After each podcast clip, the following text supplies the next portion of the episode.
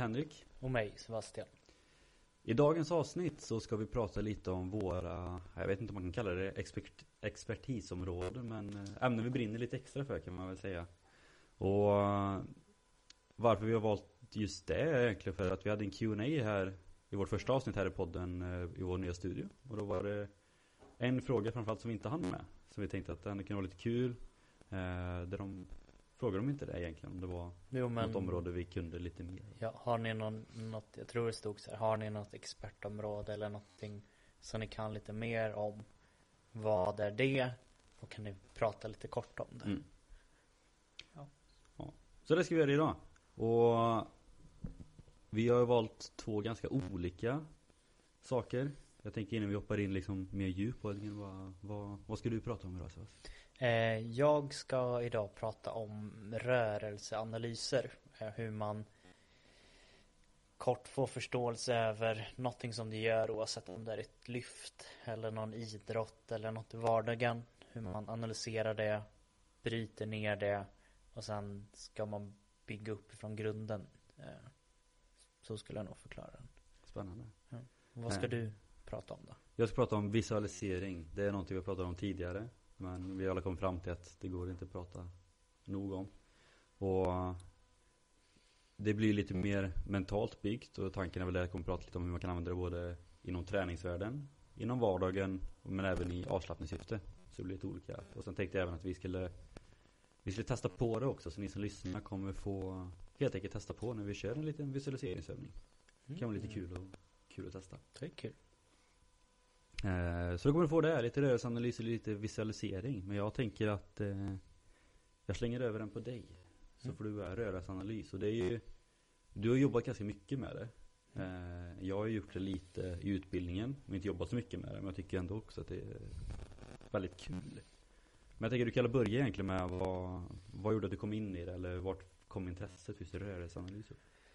Hmm, intresset tror jag eh, kom ifrån. Vi, på det gymmet som jag började första jobba på så var de väldigt duktiga på att vidareutbilda eh, oss PT.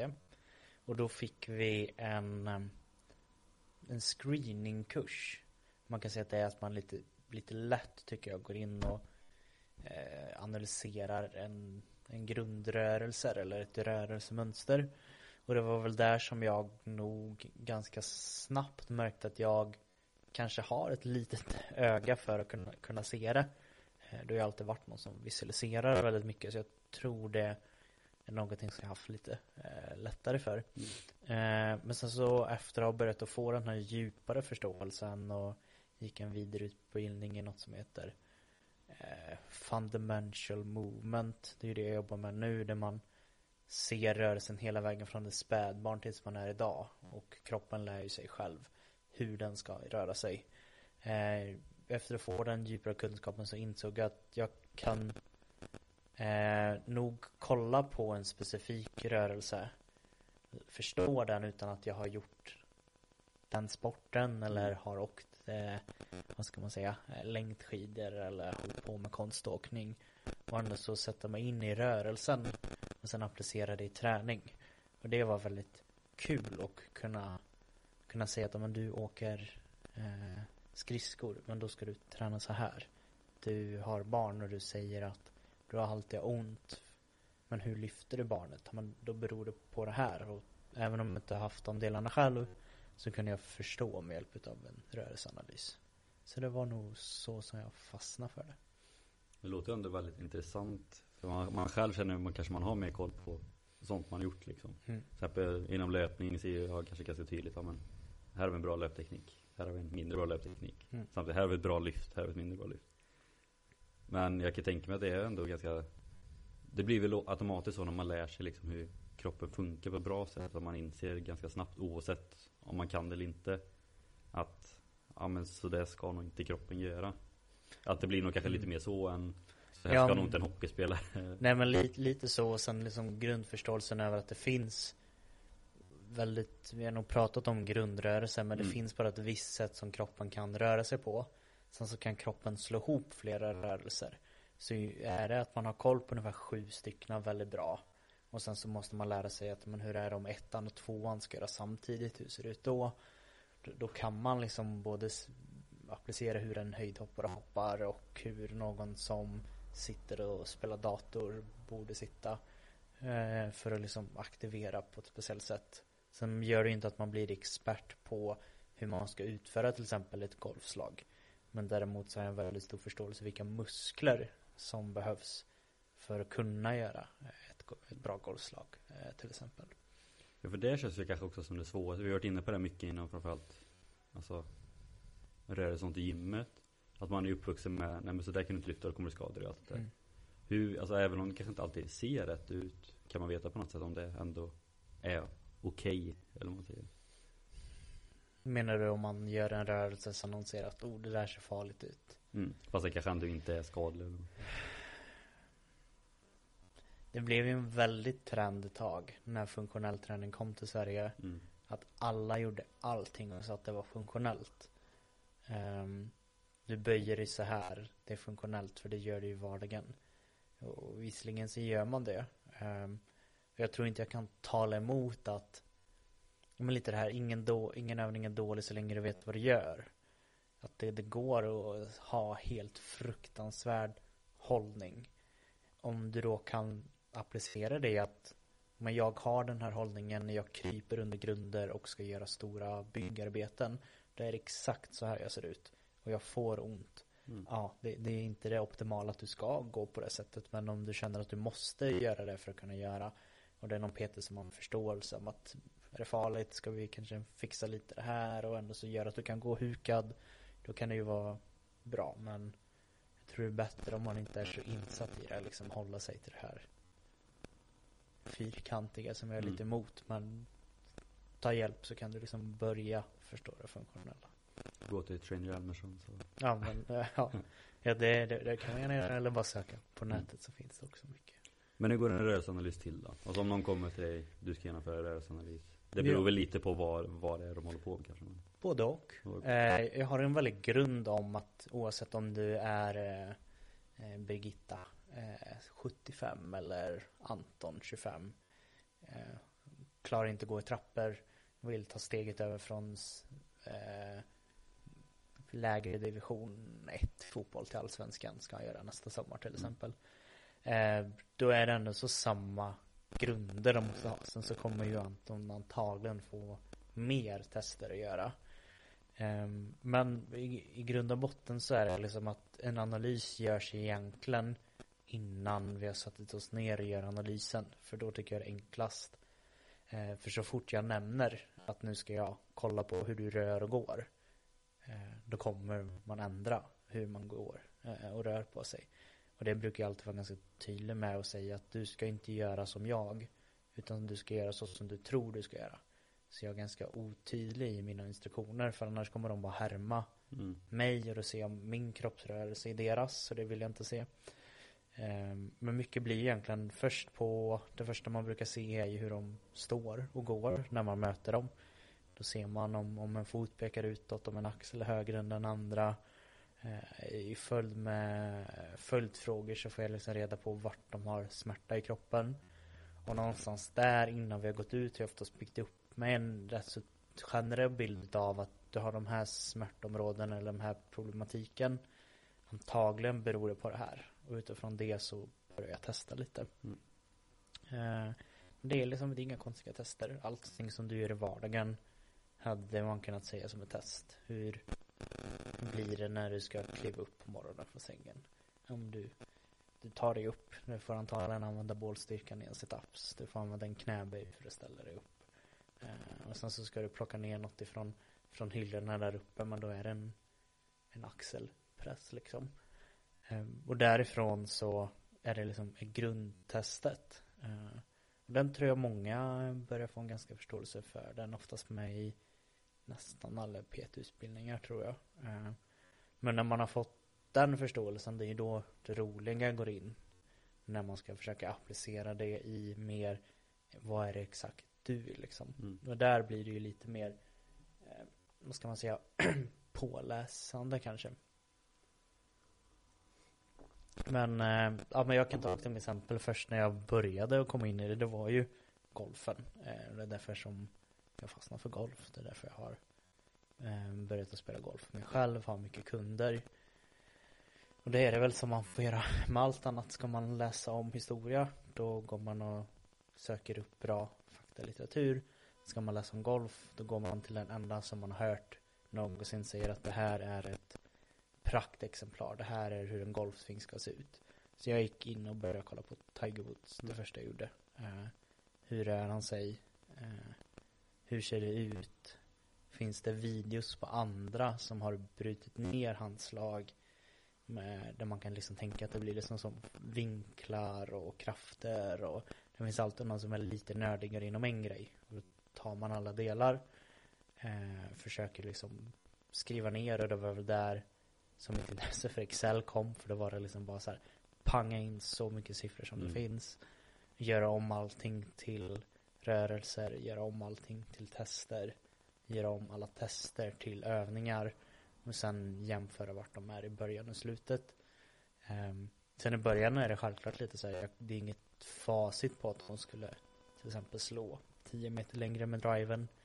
Men efter att ha haft en, två, tio, fem, när jag har haft många kunder där alla har fått en ökning, kanske inte alltid så här 10-20 meter till exempel lite utslag men så här om jag ökar med 5 och jag är redan uppe någonstans emot så här 250 och 255 gör att jag nu kommer över den där bunken alltså mm. Då börjar man förstå att ja, det är nog någonting som man Man är inne och liksom nosar på Jag kan tänka mig också att det blir Inte bara att man blir bättre och kommer längre utan kanske också Ökar längden på sin karriär med något eller Ja några men år. verkligen det, det är ju det som kanske var det största just där men Kollar man andra sporter så är det ju att något, något tyvärr som hör ihop med rörelseanalys Det är förståelsen över vilka som är Nu tappar jag helt ordet eh, Antagonister mm. Motsatsa muskler eh, Ja, som exempel ni, ni som kanske inte vet vad det betyder där Ska man till exempel spela fotboll Då brukar man ju fråga men vad är det vanligaste man kanske drar när man spelar fotboll? Yes Och varför drar man baksidan? Jo för det är en antagonist till någonting som du använder väldigt mycket, vilket är framsida lår. Du sparkar, du passar, du springer, eh, vilket gör att du bygger upp en väldigt dominans i den muskeln. Men för att bromsa den muskeln, då är det motsatt muskel som behöver bromsa. Och tyvärr blir det då de som börjar sätta sig in lite i analyser tänker nog oftast fotboll, framsida lår. De måste skjuta hårdare. Ja, men då tränar vi bara framsida lår. Knäböj, frivändningar. Och sen så måste de vara starka framåt för de måste kunna vara i luften när man rör bänkpress, axelpress. Sen så kan det vara kul att få lite axlar och så mage. Men vi vet ju inte riktigt vad rotationer är så vi är bara crunch. Och helt plötsligt har man bara tränat det som används hela tiden, hela framsidan. Men man tänker inte på att för att det här ska funka i explosiva så behöver antagonisten antagligen vara starkare eh, ibland starkare än framsidan för den ska orka ha den bromsningskraften.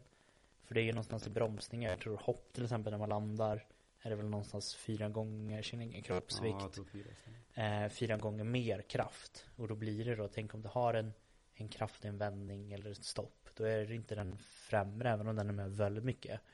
Men den bakre får väldigt mycket med och den har vi inte tränat. Eh, så det är väldigt mycket sånt som är hållbarheten då kanske. Att säga mm. att men det här är det du behöver för att förlänga eh, din karriär. Det här, för det är tyvärr oftast det som sätter stopp för till exempel idrottare. Eh, det är tyvärr oftast det som sätter stopp för vardagspersoner. Att de, de har ont någonstans. De tränar bara axeln för att de vet att det är axeln som re rehaben ligger på. Så fortsätter de bara träna axlar axlar. Och sen så har de glömt bort att det är liksom kanske till och med latsen eller trapezius som är för svag som gör att du faller fram för att skada axeln. Mm. Så det är liksom grunden är väl en förståelse över hur kroppen fungerar egentligen. Ja, för det är ju väldigt ofta, det vet jag, vi pratade om tid också med typ så här sjukgymnaster. Jag har sagt också vet, att jag typ vill plugga till sjukgymnast. Jag vill inte jobba med det. Men bara för att ha förståelsen för det. Mm. Eh, för det är ju väldigt ofta så när man går sjukgymnast själv. Man bara, men jag har ont i knät. Men problemet sitter ju aldrig i knät. jag har problem med axeln. Men problemet sitter ju sällan i axeln. Utan Mm. sitter, Alltså grunden kommer ju ofta någon annanstans ifrån. Och kroppen är ju väldigt komplex. Det hade Ja. varit väldigt kul och mäktigare att kunna ha den kunskapen. Vad, det har varit samma sak när jag var på scraping hos dig liksom. Mm. Också hade problem med ja, men en punkt i, vid skulderbladen där liksom. Och då trodde du också det kunde bero mycket på att eh, jag har för tajt bröst istället. Mm. Så att det blir så här dominoeffekt på det hela. Så att, ja men tajt bröst gör att axeln kommer fram lite och då kommer det spänna i skulderbladet istället liksom. Så att det, det är väldigt komplext. Men det är ju också jäkligt kul när man lär sig Oh, ja. hur det funkar. Det är det ju. Sen det, det svåraste i det om ska vara ärlig. Det är att det finns De jag är mest runt nu är det nog tre skolor Som säger att För ibland så kan man ju ta den där domen-effekten att Det här beror på det Mm. Och det beror på det Och så någonstans måste det ju ta slut Att liksom vad är grunden? Mm. Och där tycker jag att det finns liksom tre skolor som säger Att det kommer härifrån. Till exempel en viss skola säger att men det kommer från fötterna. Det är bara fötterna som styr. En annan säger att men det är liksom enbart eh, Magen. Det, det finns liksom inget annat. Och en tredje säger liksom att men det är Det är bålen. Det är liksom både mage, rygg och Mm. sätes brukar det oftast vara med eh, Och där är det de som är inne i det är ju så inne i sin grej och har väldigt svårt att se att Jo men du är Om du tränar med magen det är klart att det är bra men du tränar ju samtidigt foten i den Alltså så här, Så säger alla emot varandra för man Mm. vill ha Jag har rätt Mm. eh, När man har nördat in sig så mycket för Då konkurrerar man kanske inte bara mot Att sno varandras kunder utan då är det liksom så här Man kanske ska vara att men min skola är bäst Nu vill jag att andra ska Köra min skola, ska Mm. utbilda mer inom min skola Och där tycker jag är det krångliga för när man så här, De som stöttar mig Ja men det är nog en från varje skola Mm. Att en är fötter, en är mage och en är liksom bål och så frågar jag alla tre Och sen får jag ett olika svar från alla tre Eh, En fjärde också, vissa säger att det kommer från huvudet Att det är nacken som styr Mm. Så måste man liksom börja fixa om därifrån Men det är intressant också för att i slutändan så att Även fast de säger olika Så tänker jag väl ändå att i, Om man ska gå ännu djupare in på grunden då Så känns det ändå som att alla tycker samma Och det är just Mm.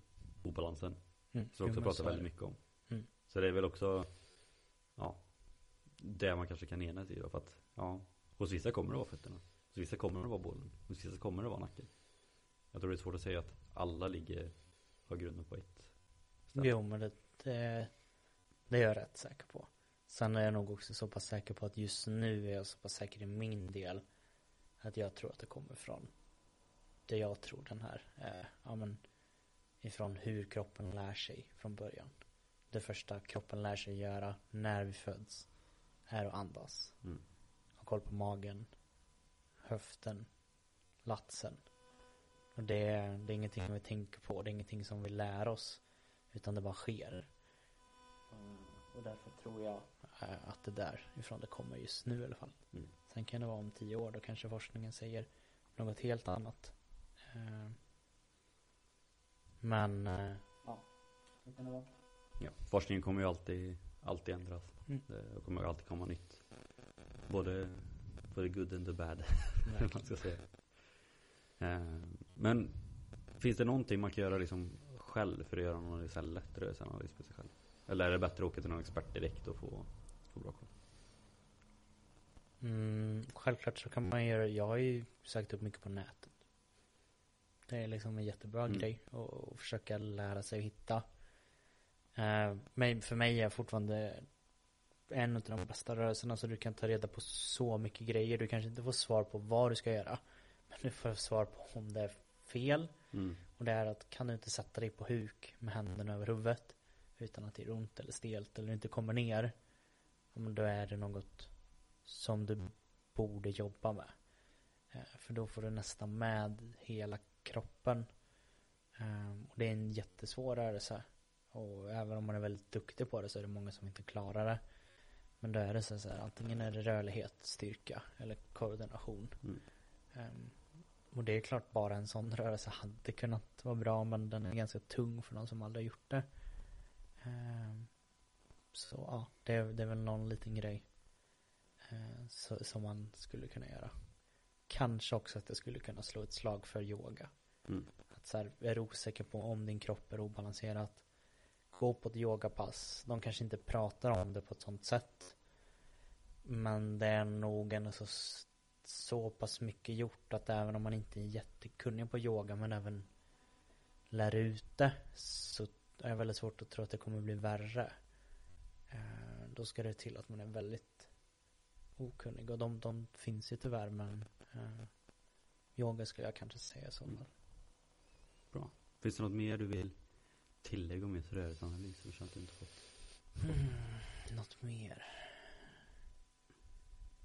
Nej, det, det sista jag kanske kan ta med det är bara något som jag kan ta lite från mig själv. Något som jag har blivit lurad utav väldigt länge. Det är när du kommer till någon och kanske har en problematik eller vill förbättra någonting. Och de är väldigt säkra på att det är den här saken. Och sen så frågar du varför. Det tycker jag att man kan börja fråga. För kan inte de svara på ett så förståeligt sätt eller att de förklarar på ett så pass lätt sätt.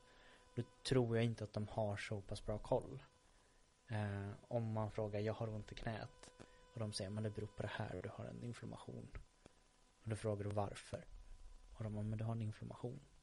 Och sen frågar man igen, men varför? Vad är det som har gjort att jag har fått inflammation?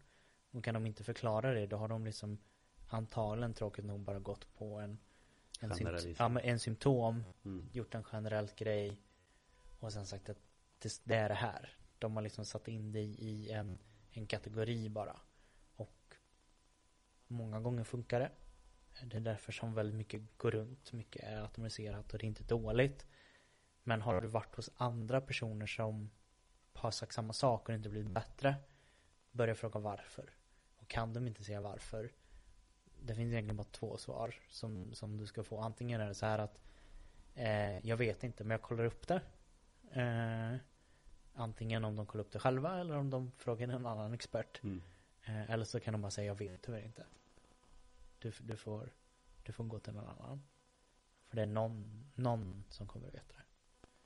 Ja, och det är alltid skönare att få hjälp av någon som kollar upp det eller hos någon som vet det. Mm. Så man vet man får ja, rätt man kommer ju alltid vara tacksam. Ja. Uh, ifall, ifall någon kommer till mig och jag skickar den till Ja men till exempel eh, med en, en gammal kollega Alexander. Då var det också så här, bara, jag kan inte det här. Men Alexander kan det. Mm.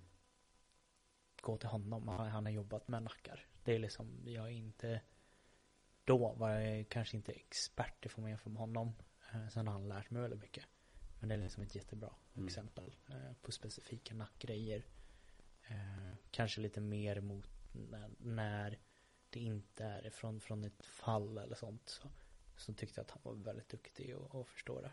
Mm. Eh, men de, de, var ju tacksamma mot mig att jag hade skickat vidare dem liksom. Jo så är det. Och lite som vi pratade om förra veckan när vi hade Linné här på besök också. Att vi kanske behöver bli bättre på det. Vi ska jobba med just träning och hälsa. Mm. Att faktiskt också hjälpa varandra och skicka vidare till folk som är mer inriktade på just det området. Oh ja.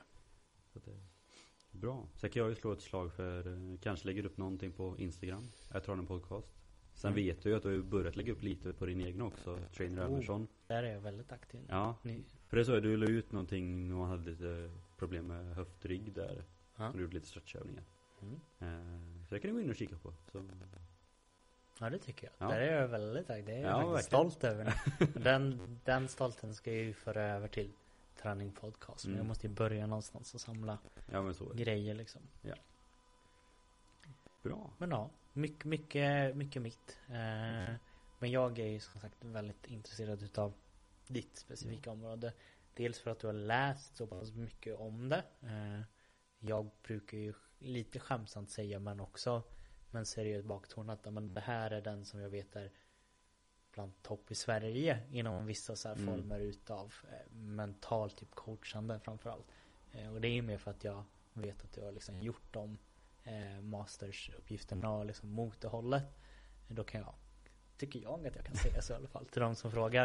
Eh, men, men lite visualisering då. Mm. Eh, om du börjar lite, vad, vad var det liksom som lite tydligare gjorde att du fastnade för just det?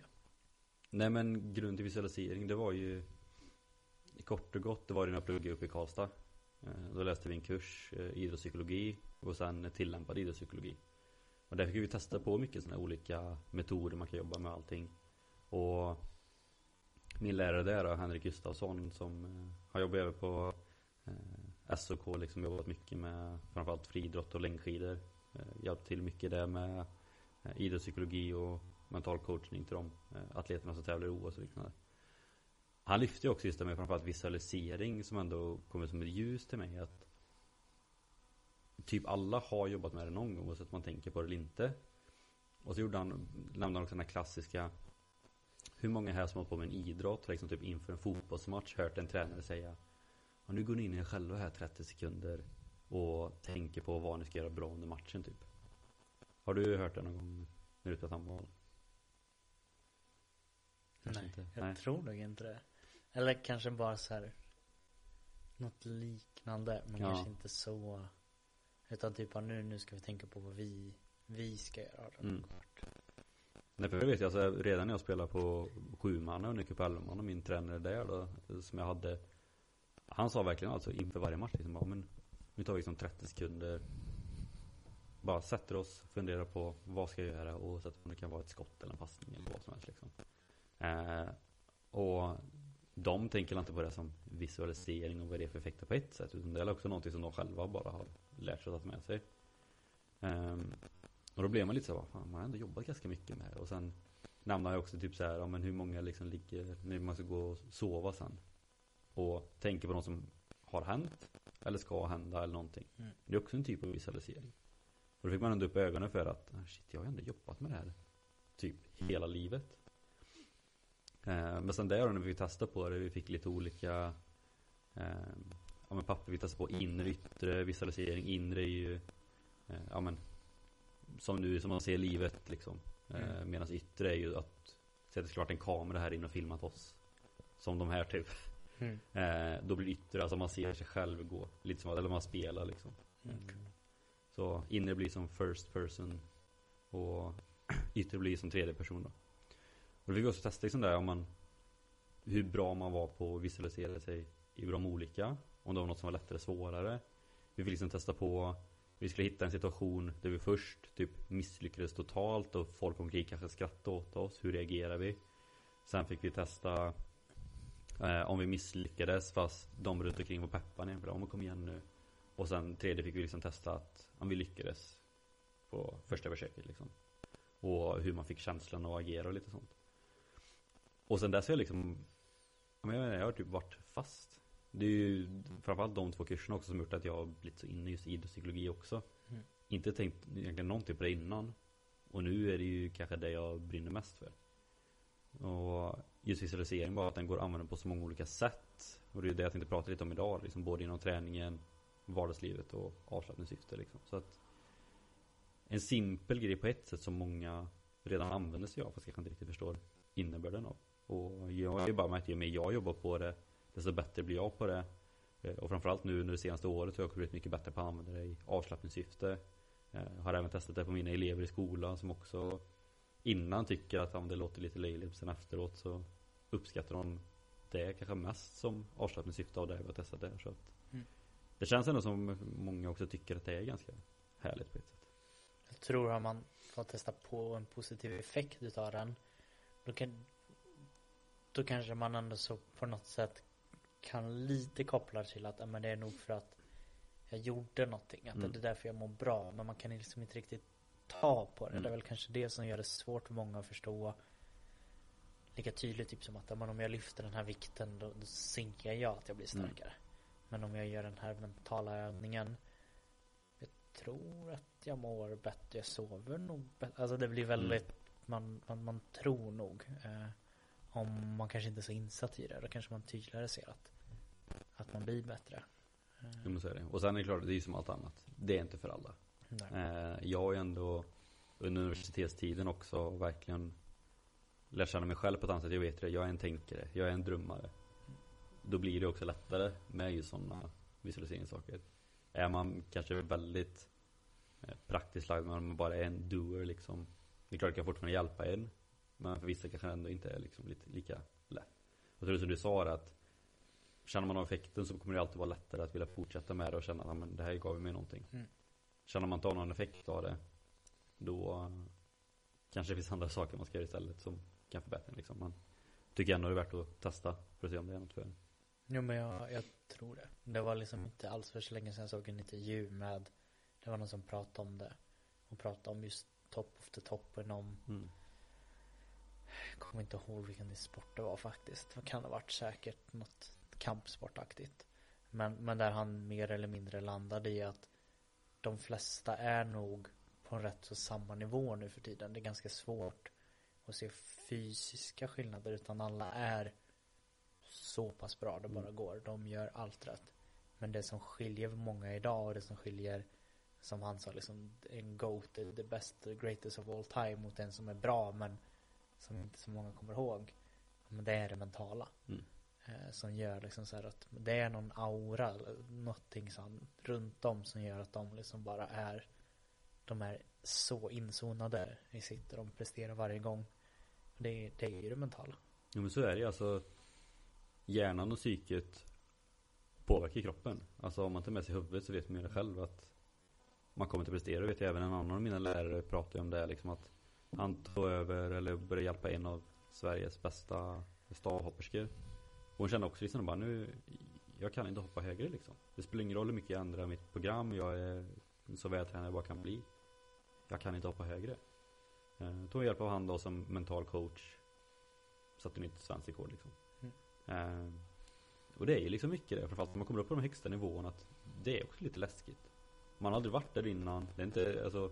Tar man verkligen världseliten då har aldrig någon på hela jorden varit där innan. Och att det är inte bara musklerna liksom. Du måste också kunna koppla på alltihop så att allt funkar. Mm. Och då kräver det ju liksom att verkligen att hjärnan funkar. För att resten av kroppen ska funka också. Ja, och det tänker jag är även i vardagssyften att det är ju Man har sin topp fast det är en annan topp liksom så här. Mm.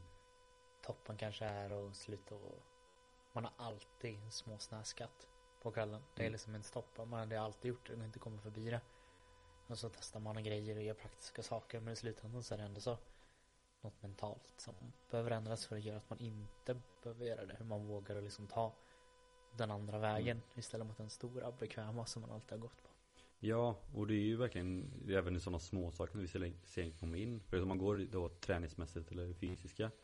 Eh, jag tror vi tog upp det, vi, vi har gjort något avsnitt av visualisering. Jag tror jag tog upp två studier där, för det finns en studie om höjdhoppare. Eh, som övar på visualisering liksom. Mm. Eh, både inre och yttre visualisering då. Och då märktes det även efteråt att när de har tänkt på sig själva väldigt noga. Så här, "Men jag ska ta så här många steg. Jag ska göra den isättningen med foten. Jag ska ha den känslan. När jag flyger upp ska jag verkligen böja ryggen på det här sättet. För det blir liksom sen att när du visualiserar. Det kommer inte vara på samma sätt som fysisk träning. Men ändå bevisat att om man jämför då någon som bara visualiserar. Kommer ju alltid vara sämre än någon som tränar fysiskt. Mm. Eh, men någon som både tränar fysiskt och visualiserar. Kommer bli bättre än någon som bara tränar fysiskt. För att hjärnan den förstår ju skillnaden fast ändå lite vagt om du ska göra ett höjdhopp eller om du bara tänker att du gör ett höjdhopp. Och det brukar som att det är ju bättre att visualisera ett höjdhopp kommer hjärnan tro ännu mer att du gör ett höjdhopp på riktigt. Vilket gör att när du väl ska göra ett höjdhopp sen så vet hjärnan Ja just det, men det har har vi gjort förr. Då vet jag att du ska sätta i de här fötterna här, jag ska ha den vinkeln, jag ska ha det höjdhoppet och den känslan. Så tekniken blir bättre. Och en annan studie visar ju bara, då skulle de egentligen bara klicka på knappar i en sifferkombination. Eh, och där var det ännu tydligare vilken effekt eh, visualiseringen hade på liksom finmotoriken. Att man kunde klicka snabbare. Ehm, det gick lättare att flytta handen över de här knapparna och allting. Så att det är ju bevisat att det ger ju ändå en effekt av att visualisera. Och tar man det i vardagslivet sen som du pratar om där, men bara att småäta lite. Det kan ju vara jättebra exempel att ta den här yttre visualisering. Så man kanske har en kamera uppsatt i köket då. Och så ser man sig själv när man går där och småäter. Kanske man också blir lite besviken på sig själv. Eh, om man verkligen vill sluta. Och så nästa gång, eh, någon minut senare visualiserar man sig istället. Ja, men nu stänger jag skåpet istället. Jag kanske öppnar, kikar och stänger. Eller jag bara går förbi. Kanske man också känner bara, men shit vad, vad glad jag blev nu. Och det kan ju vara samma sak där att ju mer man gör det kanske gärna också kopplar till slut att när du väl går in i köket då ska du bara gå förbi det skåpet. Mm. Så att det är ju finns ju sätt att göra det på men sen i vardagslivet framförallt det viktiga för vi har ju pratat om det mycket tidigare också just det här med att Man ska inte älta det som har hänt. Och du ska inte oroa dig för mycket för framtiden liksom. Men det visualisering kan göra är verkligen att förbereda sig på saker och ting. Säg att du ska ha en föreläsning i skolan. Eller att du har en viktig, viktigt jobbmöte, du ska presentera en ny idé eller någonting. Mm. Eh, där kanske man inte ska visualisera sig bara shit, tänk om jag tappar orden eller glömmer bort det om tekniken inte, stru eller inte funkar. Mm. Men tänker man istället bara, men imorgon då, då ska jag, man kanske gör det i sängen liksom innan man ska sova. Att imorgon, imorgon så tänker man att man går in där med motivation, med stolthet, bröstet högt liksom. Och så bara nailar man hela presentationen. Man kanske funderar på, men den chefen kanske ställer en fråga. Och då ska jag, är jag påläst på den liksom och kan svara direkt. Även om inget av det händer sen. Så kommer det skapa en trygghet hos sig själv. När man väl gör det sen. Eh, så när man väl går in på det här mötet, för det kanske var så, man kanske har visualiserat sig att du ska få fem frågor. Sen kanske du har varit så tydlig så det behöver inte komma en enda fråga. Kanske bara få en applåd sen istället. Mm. Och då kommer du känna dig ännu bättre, för att du kommer inte vara orolig för det. Så att man ska liksom inte dra det för långt så att man hela tiden tänker på de värsta sakerna medan man är förberedd på saker. Det vet ju även du lyfte en gång där inför Vasaloppet till exempel att men, ju mer förberedd man är på att något kan hända så kommer du hantera det bättre när det väl händer också. Mm. Men så gäller det att hitta en fin gräns där bara så att man inte visualiseringen gör att man blir för orolig. Utan snarare att göra att en blir trygg och lugn. Mm, verkligen. Men om du, då är det liksom allt det här när man säger, jo men det, jag förstår visualisering och jag förstår att det kan vara bra. Mm, nu är det en liten avstickare, jag vet inte om du har svar på den. Men det är någonting som har dykt upp väldigt mycket för mig i det sista. Eh, både på nätet och lite liknande. Det har liksom kommit en, en trend över hur folk just visualiserar saker. Att det finns vissa folk som eh, typ eh, testet över att man ska se ett äpple. Vissa ser eh, ett rött äpple kanske man ser. Man ser hur det glänser och man ser hur det liksom kommer upp som ett litet blad. Man är liksom väldigt så detaljerad. Mm. Någon kanske bara ser en utformad liksom som själva äpplet. Någon kanske ser äpplet fast i vitt, svart och vitt. Vissa ser det liksom väldigt otydligt. Vissa ser det inte alls. Är det liksom någonting som du tror att alla de skulle kunna jobba med visualiseringen? Eller är det de som har svårt att se just det här se äpplet framför sig? Är det de som visualisering inte riktigt fungerar för? Eller har du hört det här testet? För det är liksom har dykt upp överallt för mig det sista. Testet så sätt har jag inte hört men jag vet ju att om man tar ett äpple att folk visualiserar det på olika sätt. Mm. Och jag personligen tror jag sagt att visualisering kommer funka lite på alla. Sen sagt, mer på vissa, mindre på vissa. Eh, och det kanske inte är för vissa även om de tror att i slutändan kan det ändå hjälpa dem.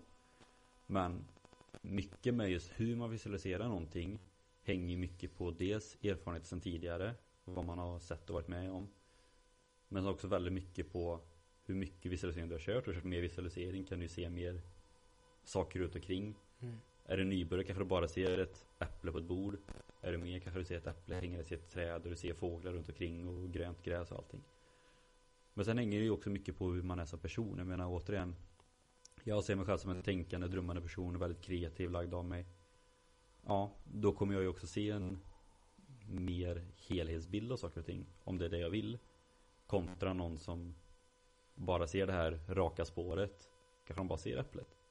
Så det är också det jag tror till exempel om man tar då Ja men någon som är mer estetiskt lagd. Då tar du konstnärer, musiker, eh, kanske textförfattare eller någonting. Jag tror ju sådana personer kanske har lättare att visualisera en tydligare bild, kan se de här små detaljerna. Kontra och kanske Ja, nu ska man inte hänga några yrken någon annan bild, men tar man liksom byggarbetare, busschaufför eller så här liksom. Ehm, så jag tror ju mycket hänger på det. Egentligen hur man är som person. Men framförallt vad man har sett innan. Det är samma sak. Är du en sån som är uppvuxen med att föräldrarna eller du själv har alltid köpt röda äpplen. Då kommer du inte visualisera ett grönt äpple. Om du ska visualisera ett äpple. Tvärtom, om du alltid haft gröna äpplen hemma. Så är det ett grönt äpple du först kommer se. Så mycket hänger också på vad de har varit med om tidigare. För det är det som i första hand visualisering hänger också mycket på att Har du sett någonting tidigare, ja men då är det lättare för hjärnan att koppla, men så här ska det se ut. För det är ändå det man vill, man vill att det ska vara så realistiskt som möjligt. Ehm, så ska du visualisera någonting kanske du inte heller vill att det ska vara massa regnbågar och enhörningar som flyger omkring. Ehm, om du ska hålla ett tal framför chefen liksom. Mm. För det kommer troligtvis inte hända.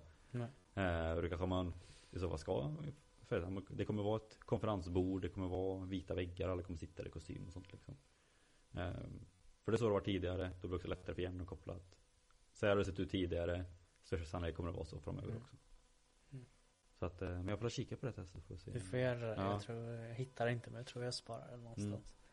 Eh, men, men om, istället för att liksom prata om äpplen då. Att, hur, hur skulle du aktivt ha liksom jobbat med någon som kommer in och vi säger att den kanske ska ha ett coachande samtal. Att du ska liksom sätta in dig i den rollen. Hur hade en sån, vad kallar man det, samtal eller möte kunnat sett ut? Eller känner du att det är kopplat mer till den här övningen du ville prata om? Eller hur hade Nej, du jobbat alltså, med det? Det är ju lite som med det, alltså det beror helt på vad, vad de är ute efter och behöver hjälp med. Mm. Men fokuset kommer ju alltid vara i stort sett att få så mycket fokus på dem själva som möjligt. Att lära dem få jobba så mycket med visualisering mot sig själva som möjligt. Både inre och yttre. Ehm, för jag tror det är det många har väldigt svårt för med just visualisering så fort det blir att man ska gå in i sig själv. Det är det som vi brukar prata om, lära känna sin kropp och med din rörelseanalys också att få förståelse för sig själv. Men det är det många har svårt för också. Många av dem jag har pratat mest med har ju ofta varit liksom också att de, kom, alltså, de vill ju kanske ofta ha hjälp för att det är lätt att fokusera på andra, svårt att fokusera på sig själv. Mm. Eh, och det är samma sak då om man ska ha det här mötet och man kanske ofta tänker, man kanske är mest orolig för Funkar tekniken? Eh, kommer de gäspa när jag pratar? Eh, kommer de ställa svåra frågor? Det är väldigt få som egentligen tänker Vad kan jag göra? Hur ska jag agera? Hur ska jag stå? Hur ska jag använda mitt kroppsspråk? Mm. Eh, så jag tror liksom att det är det som ofta är det viktigaste, att verkligen kunna Om det verkligen är någonting som man vill jobba med, om man tänker antingen då fysiskt eller inom vardagslivet. Att verkligen försöka gå in i sig själv där. Mm. Och både testa då inre och yttre. För inre är ju väldigt bra på det sättet att det kommer vara lättare sen när du står i den situationen sen. För då kommer det ju vara så du visualiserar dig. Mm. Men yttre är också, är också sjukt viktigt. För då kan du verkligen tänka så här med just kroppsspråket. Rör mycket på armarna. Eh, hur ser jag ut? Ser jag rädd ut eller ser jag trygg ut? Mm. Bara en sån sak som jag pratade om där, liksom att stå kanske bak matchen upp med bröstet och använda händerna mycket som kroppsspråk. Ser man det då en yttre visualisering, kanske man ser det bara, bara men jag ser ju trygg och självsäker ut. Mm. Det ser man ju inte på samma sätt om man ser sig själv inifrån. Eh, Så därför tycker jag det är så väldigt viktigt att både jobba med inre och yttre visualisering. Så att man liksom får se sig själv också ur andras ögon. Även fast det bara är från sina egna, sin egna hjärna då. Men, ja, men det, det är verkligen svårt för det är verkligen från person till person vad man vill jobba med. Eh, Men är det liksom att man vill jobba med någonting då är det verkligen bara fokus på att de ska bli bättre på att se sig själva. I både inre och yttre eh, visualisering. Mm. Sen när det kommer till mer avslappning sen då, då är det inte riktigt lika viktigt med att hitta sig själv. Eh, Och det är det vi kommer göra på övningen sen då. Då kommer det inte vara egentligen jättemycket fokus på sig själv. Utan kanske mer på omgivningen. Mm. Så att det är också en, som en sån grej. Men skulle någon komma till mig och vilja ha liksom ett coachande samtal och behöva jobba på någonting. Då kommer det vara mycket fokus på att bara lära sig visualisera sig om sig själv, från sig själv och hur man själv ser ut. Intressant. Kan förstå att vissa kan tycka det är lite läskigt nästan också. Och försöka sätta sig in på det sättet eller svårt att greppa liksom. Ja, och det har ju varit lite kul. Vi har testat det lite med, med våra elever. Eh, och det är det man verkligen märker. Vissa som ändå försöker, tycker det är svårt. Vissa, sen har inte jag en aning om om det här stämmer eller inte. För jag kan inte se vad de visualiserar dem. Nej. Men det är också vissa som man både märker och sen när de har fyllt i papper och sånt sen efteråt liksom att de De kopplar ju bort sig själva direkt liksom. För de tycker antingen att det är löjligt men troligtvis är det bara för att de tycker det är svårt. De tycker det är konstigt att se sig själv liksom. Medan vissa så kanske är lite mer osäkra utåt ofta tycker att det är väldigt skönt. Mm. Eh, För det är också någonting som jag märkt att folk som är lite mer kanske blyga och osäkra utåt De tycker det är mycket lättare och skönare med visualisering. Medan de framförallt om man tar tonårskillar så kanske utåt verkar ganska självsäkra och trygga. Men inuti kanske är ganska osäkra. De har jättesvårt med visualisering. Mm. Både för att vissa kanske tycker att det är lite löjligt, tror inte att det kommer hjälpa någonting. Men framförallt för de vet inte riktigt hur de ska göra. Eller liksom hur det ser ut. Så det är också något som är ganska intressant. Framförallt i tonårsåldern. Liksom. Mm.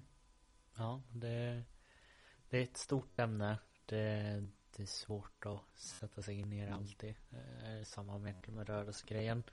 Men eh, som sagt intressant och det Det känns Tycker jag som att det börjar gå mer mot Lite den där eh, acceptans även här. Att det, det är okej. Okay. Det är ihop med att mer folk pratar om det. Det, det är svårt att säga. Um, men eh, vi får väl se lite vart, vart det kan leda och vad, vad framtiden kan uh, bygga upp. Jag har en, en liten tanke som jag tar den efter din test och så får du se om, om du tror att mitt scoop eller min, min lilla insight kan vara någonting som kommer att mm. eh, revolutionera eh, mm. visualisering och sånt om två år. Två år. Mm. Spännande. Ja. Bra. Nej men jag tänkte liksom nu att vi skulle testa en, liksom en visualiseringsövning kanske mer med fokus på just avslappning. För det är något som jag börjat göra mycket mer det senaste. Jag har ju försökt jobba lite med meditation om det senaste året. Jag vet också jag nämnt lite. Men jag tycker nu har vi använt mycket mer visualisering i avslappningssyfte. Mm. För jag tycker det är lättare. Men det är också varför man har jobbat mer med det. Eh, så jag tänker liksom ni som lyssnar på det här nu.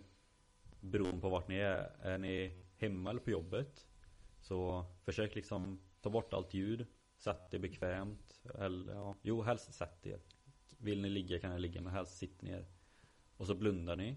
Och så försöker ni bara följa med för jag kommer berätta en liten saga. Och så försöker ni bara bilda en uppfattning om hur det ser ut, hur det låter, hur det känns.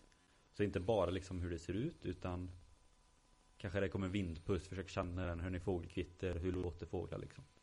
Eh, sitter ni i en bil så håll gärna ögonen på, på vägen. Ja, det måste nästan vara en disclaimer alltså. Så ja. Kör du bil, gör inte detta. Då får du göra det när du kommer hem. Exakt, då kan ni avvakta och så kan ni göra det när ni kommer hem sen. Eh, men som sagt, försök sätta dig bekvämt och så gärna blunda. Och så... Jag tänker jag testa det här då. Så får jag se ifall jag får upp något bra. Precis. Och sen eh, får vi se om jag är en bra berättare eller inte då. Mm. Tänk dig nu att du sitter på en bänk och tittar ut över en sjö som är omgiven av skog. Sjön är ganska liten, ytan är nästan helt blank. Det är molnigt och lagom varmt ute en tidig höstdag. Du kan se till andra sidan sjön och där växer skogen och du kan se några brygger som ligger utspridda. Och en och annan roddbåt. Det är vindstilla och det gör att alla ljud hörs bra. Några fåglar hörs i bakgrunden, men det är allt. Du reser dig upp och börjar gå längs med strandkanten. Du känner dig väldigt lugn och avslappnad i denna miljö. Det finns en stig som går runt sjön. Ljudet av dina steg hörs tydligt när fötterna möter löv, gräs och kvistar som finns på stigen. Lägg märke till de ljud som uppstår när du går här. Plötsligt hör du något prassel. Du stannar och kroppen stelnar till. Du vänder ansiktet mot ljudet och ser att det är en ekorre som springer upp i ett träd. Du står stilla och ser hur den snabbt klättrar upp för stammen. Du blir fascinerad och märker hur kroppen slappnar av samtidigt som du är koncentrerad. Du fortsätter gå längs med stigen. Medan du går bryter solen fram och lyser genom trädgrenarna och får sjön att ge gnistrande reflexer. Du stannar upp, blundar och låter solstrålarna värma ansiktet en stund. Lägg märke till hur det känns i kroppen just nu. Känn hur lugn och trygg du är i denna miljö. Och att du ofrivilligt börjar le en smula. Och när du är redo för det så kan du vakna upp, öppna ögonen, sträcka lite på dig. Och sen ta med dig denna känsla utan, utav resten av dagen. Mm. Så det var liksom en egentligen jättesimpel så här bara kort saga. Men det som är intressant med det här också är liksom att om man är väldigt ny på det här Då kanske man bara ser Hur det ser ut. Sen efter ett tag kanske du också börjar känna lite känslor. När du har gjort det fler gånger, och kanske också hör de här fågelkvittrarna Ytterligare ett par gånger in, då kanske du känner den här stelheten som uppstår när man hör den här ekorren komma För du vet inte vad det är som man blir lite rädd, lite orolig mm. Så det är ju det, ju mer man gör det desto mer liksom känslor, desto mer eh, man sagt, hörsel och allt sånt där kommer också in i det. Eh, Men jag tycker sånt här liksom blivit jättebra. Det finns också mycket på Spotify man kan lyssna på. Mycket hänger ju på vem det är som berättar har jag märkt. Mm. Eh, vissa blir nästan lite för mycket så här ASMR. Och då kan jag tycka att det är obehagligt. Men vissa är väldigt duktiga på det och då kan man verkligen, jag kan verkligen bara sitta och verkligen vara där. Och jag tycker det är så skönt också när någon annan berättar vad man ska tänka på. Så Mm. man inte behöver hitta det själv. Men är tanken då att man man ska liksom bygga upp någonting efter vad du säger? Förstår jag det lite som? Att man, det blir som en berättelse men man får det tilldelat till sig. Ja men lite så. Och sen är det verkligen upp till en själv. Det finns också vissa sådana här med jättetydliga liksom att det är lite som barnböcker liksom att ja, men det är en jätteliten svart fågel som är två meter framför dig liksom Mm. så här. Och då kan det vara väldigt lätt att föreställa sig. Men vissa kan nog bara och hör fågelkvittrarna som sitter uppe i träden liksom. Då blir det också upp till en själv att säga, men vill du se fåglarna? Eh, är det en eller flera? Hur stora är de? Hur låter kvittret? Ehm, Så. Men det är ju verkligen mycket att man ska egentligen släppa ur ett avsläppande syfte att du själv inte behöver tänka på okej nu ska jag gå på en promenad Eh, Hur ska det se ut? Vad ska jag tänka? Då kanske det blir- snarare blir en stress man ska tänka Mm. på Här blir det verkligen liksom bara som att du får en ljudbok eh, Där du kan se allting Och det kan ju egentligen vara att ta i alltså Tycker ni sånt här är härligt? Lyssna på vilken valfri ljudbok som helst alltså, Många författare är oerhört duktiga på att beskriva hur miljöerna ser ut Mm. Ehm, Och det blir egentligen samma sak där Att bara, man, får, man får upp en bild av hur det ser ut och det är också en typ av visualisering Så varje gång man egentligen läser en bok och bara föreställer sig hur det ser ut så blir det visualisering Ja, Hur kändes det för dig? Jo men jag såg ju allting tror jag mer från tredje person först. Mm.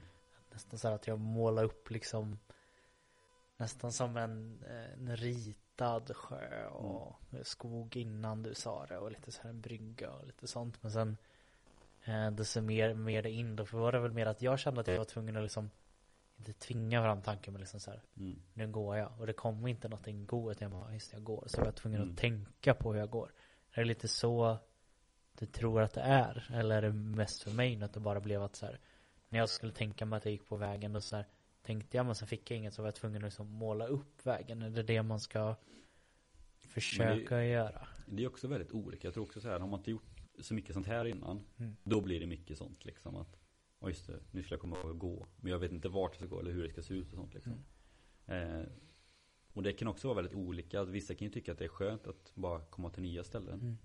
Vissa kan bara tycka att det är skönt att man har någon grundbild Jag vet första gången jag läste den där Då fick jag upp bilden från eh, Åsbotorpssjön uppe på Billingen Mm. För jag tycker att det är en ganska lagom liten sjö och tänker att man går där bredvid liksom och, Men då var jag också bara egentligen första Okej, här startar jag. Jo men jag var vid Karstorpssjön. Ja. Nej men det blir ju ofta så, har man då liksom Då har man kanske ändå en liten, okej det är den här sjön Det är det här spåret, för att har man bara en startplats Då blir det ganska lätt sen att sagt att ja men Du går och sen Ska du se ett, eller höra en fågel från ett träd Eller som en ekorre den här som klättrar upp för ett träd. Då kanske man ändå vet, ja men det är det där trädet Som man brukar gå förbi. Ehm, Men det är också jätteolika Vissa tycker det är skönt att ha en startplats Vissa vill bara drömma sig bort Men jag tycker också det var lite intressant att du pratade om det här med just att det kändes som en ritad plats först Ja det var nog allting såg Ja. jag som en ritad plats först. Och det tycker jag också är intressant för det är också någonting som jag Jag nämnde ju lite innan att när det kommer till kanske Det vardagliga livet Då vill man kanske ta det så fantasilikt utan mer på riktigt Men på sånt här upplever jag också att det är väldigt mycket Halvtecknat och ibland lite animerat sånt också Jag vet inte om det bara är för att man Tycker att det är mer avslappnat på något sätt Eller om det bara är för att det blir mer drömaktigt Kanske. Jag fick liksom upp det för att sen så här man, Jag såg liksom vägen snickrade sig Mm. fram men då var det liksom en ritad väg och sen var just det jag skulle gå. Och då fick jag liksom mer se att ja, men så, så ligger rötterna, så Mm. ligger barret. Jag går förbi, kollar upp åt höger, ekorren springer runt på knän, är lite lekfull, chillar upp runt Mm. liksom. Men i början så var ju allting så här väg och sen på, kopplar över till något Mm. verkligt och sen så var det ett ritat träd och sen till verkligt. Ehm, eller om det kanske var mer så att man vid när man visualiserar mer att man var yngre. mm. Att det var liksom så här, men nu ser jag ekorren och då, då hade man inte så mycket att gå på. Det kanske man bara hade sett en tecknad Mm. ekorre liksom och sådana grejer. Men jag tror också sånt är också oerhört även på vem man är som person. Jag vet ju både du och jag, vi spelar en del, Mm. kollar på lite anime och sånt så här. Då blir det också att man har nog lättare för att det blir tecknat animerat. Men som du säger också just det här barnasinnet kommer ofta väldigt mycket upp när man kör sånt här. Mm. Och då blir det också att man, så att man drömmer sig tillbaka lite och det blir lite som när man såg på barnprogram tidigare. Och när de drömmer sig bort någonstans, när kommer den här bubblan. Mm. Och så är det lite blurrigt, lite halvtecknat sånt. Så att jag tror Men det blir nog också mycket sånt så att man har sett det innan, man har tänkt på det innan. Och då blir det nog lätt att det blir så nu också. Så. Ja, men det var i alla fall lite kring visualisering. Man kan använda det både i, genom träningen, i vardagslivet och som avslappningssyfte. Mm. Mm, Så jag tycker att om ni testar nu och kände att ja, men det var ganska mysigt. Fortsätt. Ja, faktiskt. Jag tycker så här, tyckte det var väldigt mysigt kanske för att vara ett specialavsnitt någon gång. Mm. Men när du bara läser upp något. Vi ska skaffa så här Patreon och... Ja, något så. Nej men det är faktiskt någonting som jag funderar på alltså Överlag, alltså både med så här, typ träningspass, kanske lägga upp på YouTube eh, Eller typ köra någon streaming när man kör träningspass så folk kan vara med Men även sagt att jag kör lite såna här Övningar Men det har jag faktiskt också tänkt på visualiseringsövningar Mm. liksom. Ja men det här, sån här grejer kan man ju lätt lägga upp på TikTok och sånt också Mm. Verkligen.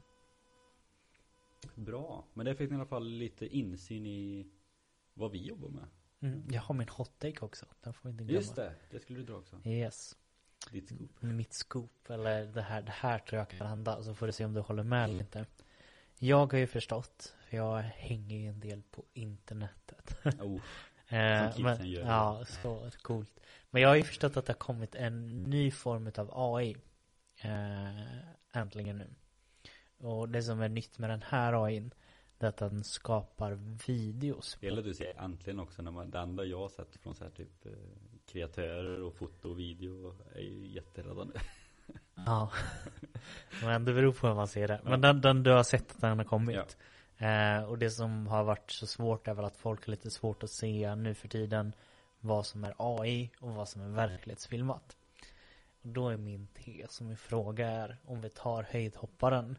Tror du i framtiden att det är fördelaktigt att man skulle kunna skriva till AI Jag, Sebastian Elmersson, hoppar så här högt och det är soligt och man liksom skriver upp miljön när jag ska tävla på OS. Mm. Eh, och sen så att man då kan verkligen se det framför sig. Tror du att det förstör syftet att man ser det på en skärm? Eller tror du att det kan vara fördelaktigt att man faktiskt, där kan man ju antagligen få det väldigt lik om några år bara. Mm. Alltså det är ju det är både och. Jag tror ju på ett sätt att, nu är inte jag så kunnig i det, men jag tänker så här. När man går in i sig själv och tänker på det Så kommer nog hjärnan koppla på på ett annat sätt Än när man ser det på en skärm. Jag tror att hjärnan kopplar sig, om ser man det på en skärm, även om det är sig själv Så blir det så här, okej nu tittar du på TV Även om man har VR-glasögon på sig. Ja då kanske, jag vet inte. Det hade varit intressant att kolla hur mycket VR påverkar. Så. Eh, nej men sen är det ju så, alltså det som kan vara väldigt intressant är ju som du nämnde det, just det här med att det kommer vara soligt, det kommer vara 50 000 på läktaren. Eh, det kommer vara knäpptyst eller de kommer klappa i takt liksom. Eh, det som kanske blir skillnaden där då är väl sagt att om man kan få sig själv då att göra det. Mm.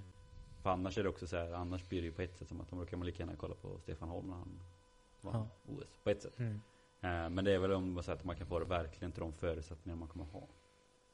Eh, men det är också som du säger, alltså AI kommer utvecklas något enormt. Det kan ju vara samma sak att jag har den här tekniken, jag kör 10 steg och sen sätter jag foten i 40 graders vinkel innan jag hoppar upp. Mm. Och de kommer säkert kunna läsa det. Eh, Så så sätt kommer det säkert vara bra. Eh, Men jag tror väl ändå på ett sätt att jag tror Personligen i alla fall tror jag att det kommer alltid vara bättre att gå in i sig själv. Bara för att jag tror att hjärnan kopplar på tydligare på ett helt annat sätt. Men jag tror det verkligen kommer vara ett bra komplement. Och jag tror det verkligen kommer vara att vissa personer kommer nyttja det mycket mer. Och vissa personer kommer gå in mer i sig själva på ett annat sätt. Så det är mer det. Jag tror att det kommer vara ett jättebra alternativ för många som har svårt att visualisera. För de kanske tycker att det är lättare att se det på en skärm. Och vissa kommer tycka att det är svårare för att de kommer tänka att det där är inte jag om de ser det på en skärm. vad de kommer tänka om de ser sig själva Mm. IRL. Eller i visualiseringen. Så för vissa kommer det vara bra, vissa mindre bra. Men ytterligare fler alternativ och alternativ är alltid bra att ha. Så. Sant, sant. Vi får se vart det leder. Jag ser bara liksom en framtid att man så här, man sätter på sig hörlurarna, man sätter på sig någonting vid ögonen. Och sen så är man helt plötsligt på arenan i OS. Men det, det kan ju säkert också vara en sån sjuk grej så att så här, Om vi säger då att du kör Ja men du, du såg till exempel, eller du såg du Daniel Ståhl när han vann VM-guld nu i Mm. sista kastet? Om man tar en sån situation, han leder hela tävlingen eh, Och sen den näst sista kastet i tävlingen då Christian Schea Tar över ledningen. Jag tänker en sån situation, tänk dig om du har förinspelat då. En situation där du leder inför sista kastet En situation där det här händer Och så kanske du bara tar på dig då VR-glasögonen si- Du sitter där på arenan Tar på dig VR-glasögonen och så har du verkligen inspelat att du gör det som Daniel Ståhl gör. Så kanske du ändå kommer in i den här lugna känslan bara Fan jag kan ju klara av det här. Mm. Och sen går du ut och så kör du liksom. Så så kanske det skulle kunna vara liksom att man har med sig det På arenan för lite olika situationer. Ehm, Eller typ som på en hockeyplan då Du ligger under med 3-0 efter första perioden Och så tar alla på sig VR-glasögon i periodpassen Istället för att hålla ett brandtal där så Ser alla hur man vänder ett 3-0 underläge och så Mm. Lite läskigt.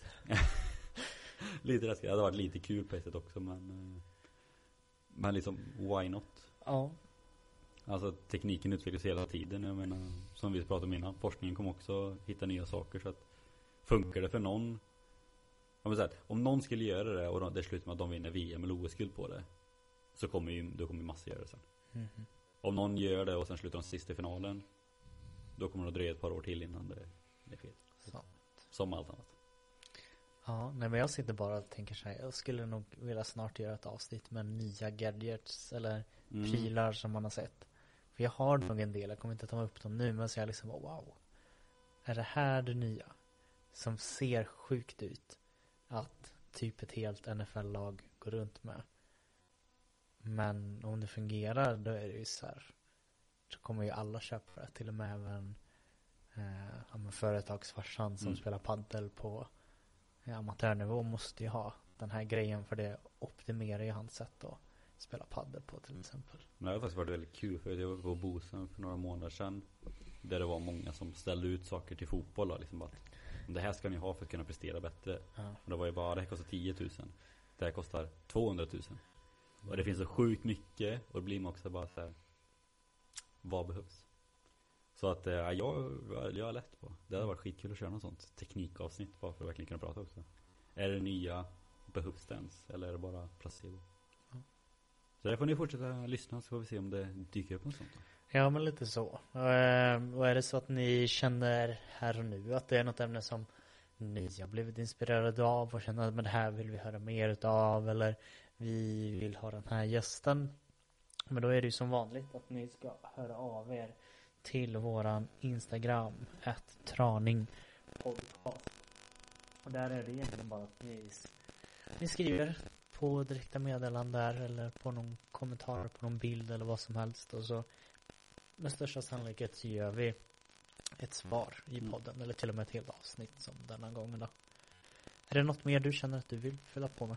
Youtube Youtube, vi har Youtube nu där det här fina Ja kommer upp liksom. Eh, och det, framförallt förra veckans avsnitt där med Linnea, Med Linnea. ligger ute nu så ja, men det måste Det har ni inte sett Youtube då tycker jag att det är Det är en liten förhöjning på vissa grejer. Mm. Det är det ju. Eh, kan ju bara tala lite från mig själv med att jag är väldigt visuell med mina fingrar och händer och visar. Eh, är du... när vi pratar om överkroppsövningarna där Mm. körde vi också lite och, och för er nu då som har visualiserat hur jag och Sebastian eh, ser ut och rör oss när vi pratar nu i två, tre år Har ju ni också chans att se hur rätt ni hade Mm. Ja men verkligen. Så Youtube är jättebra. Där kan det väl komma upp andra roliga grejer också. Mm. Ja vi har ju lite planer, framförallt så har vi väl typ spikat med Musikhjälpen-challengen Mm. Eh, Kommer ju komma upp där inom hyfsat snar framtid hoppas vi Ja, men det är bara att planera hur vi ska få in det. Ja. Rent praktiskt. Men eh, annars är det väl som vanligt då. Att vi tackar just er som eh, lyssnar och tittar. Vi är otroligt tacksamma för detta. Eh, och eh, vi hörs nästa vecka helt enkelt. Det gör vi Ha det gott